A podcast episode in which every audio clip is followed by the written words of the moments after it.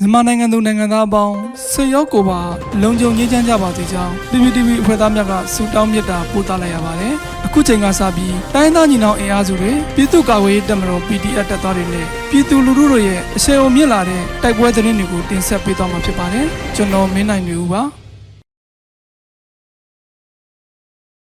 ပထမဦးစွာဒဇယ်နဘက်ငယ်ရွာကိုမိရှို့ပြန်လာတဲ့စစ်ကောင်စီတပ်နဲ့ PDF များတိုက်ပွဲဖြစ်ပွားပြီးစစ်ကောင်စီတပ်သား9ဦးသေဆုံးတဲ့သတင်းတင်ဆက်ပါမယ်။စကိုင်းတိုင်းဒဇယ်မြို့နယ်တွင်ရွာပေါင်းစုံပတ်၍မိရှို့နေတဲ့စစ်ကောင်စီတပ်နှင့်ဒဇယ် PDF တပ်ပေါင်းစုတို့ယနေ့နေ့နဲ့ရှင်နာရီခွက်တွင်တိုက်ပွဲဖြစ်ပွားရာစစ်ကောင်စီတပ်သား9ဦးသေဆုံးပြီး PDF 3ဦးမစိုးရိမ်ရဒဏ်ရာရရှိခဲ့ကြောင်းဒဇယ် PDF ထံမှသိရှိရပါသည်။အင်အား100ခန့်ရှိတဲ့စစ်ကောင်စီတပ်တပ်မ33နှင့်ပြူစောတိပူပေါင်းအဖွဲ့ကို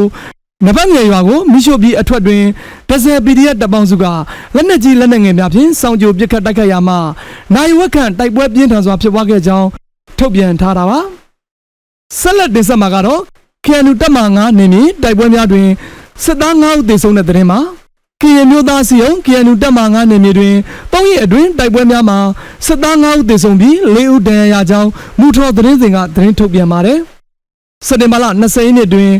ဖယ်လုံးမြို့နယ်ရှိအကြမ်းဖက်စစ်တပ်၏ဆွေဆက်စခန်းနီးနှင့်နှစ်တောင်ကုန်းတွင်စစ်ကောင်စီတပ်ဖွဲ့ဝင်များကိုကော်တူးလေတပ်မတော်ကဝင်ရောက်တိုက်ခိုက်ရာစစ်သားတအုပ်သေဆုံးပြီးတအုပ်ဒဏ်ရာရကြောင်းသိရှိရပါတယ်။စက်တင်ဘာလ21ရက်နေ့လယ်တနာရီတွင်စစ်ကောင်စီတပ်ဟာမဲဝိုင်းအခြေဆိုင်အကြမ်းဖက်စစ်တပ်စခန်းကိုရဲရင်ဖြင့်စစ်သုံးပစ္စည်းများလာရောက်ပို့ဆောင်စဉ်စခန်းပြင်သို့ကြောက်ရောက်ခဲ့ပြီးလာရောက်ကောက်ယူသည့်စစ်သားများကိုကော်တူးလေတပ်မတော်ကပြစ်ခတ်တိုက်ခိုက်ရာစစ်သားတအုပ်သေဆုံးခဲ့ပြီး မတော်ကြရွာအခြေဆိုင်စစ်ကောင်စီတပ်က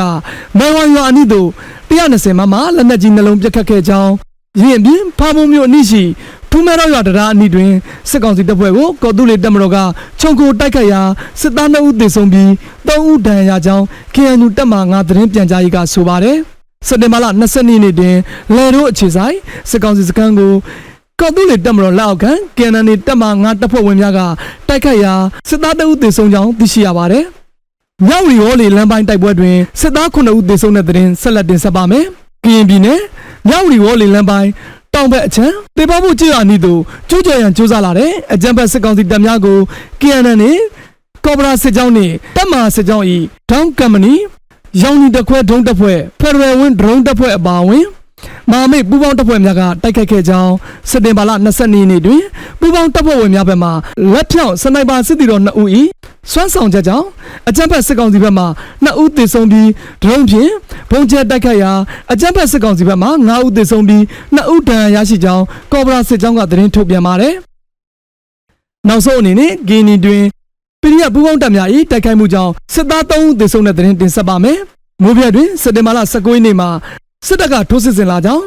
စက်တင်ဘာလ20ရက်နေ့မဟာမိတ်ပူပေါင်းတပ်များနဲ့စစ်ကောင်စီတပ်တို့တိုက်ပွဲပြင်းထန်ခဲ့ကြောင်းမိုးပြတ် PDF ကဆိုပါတယ်။ မဟာမိတ်ပူပေါင်းတပ်ဖွဲ့၏စနိုက်ပါဖြင့်ပစ်ခတ်မှုကြောင့်စစ်ကောင်စီတပ်ဖက်မှ3ဦးသေဆုံးခဲ့ကြောင်းမဟာမိတ်တပ်ပေါင်းစုများဖြစ်ကြသည့်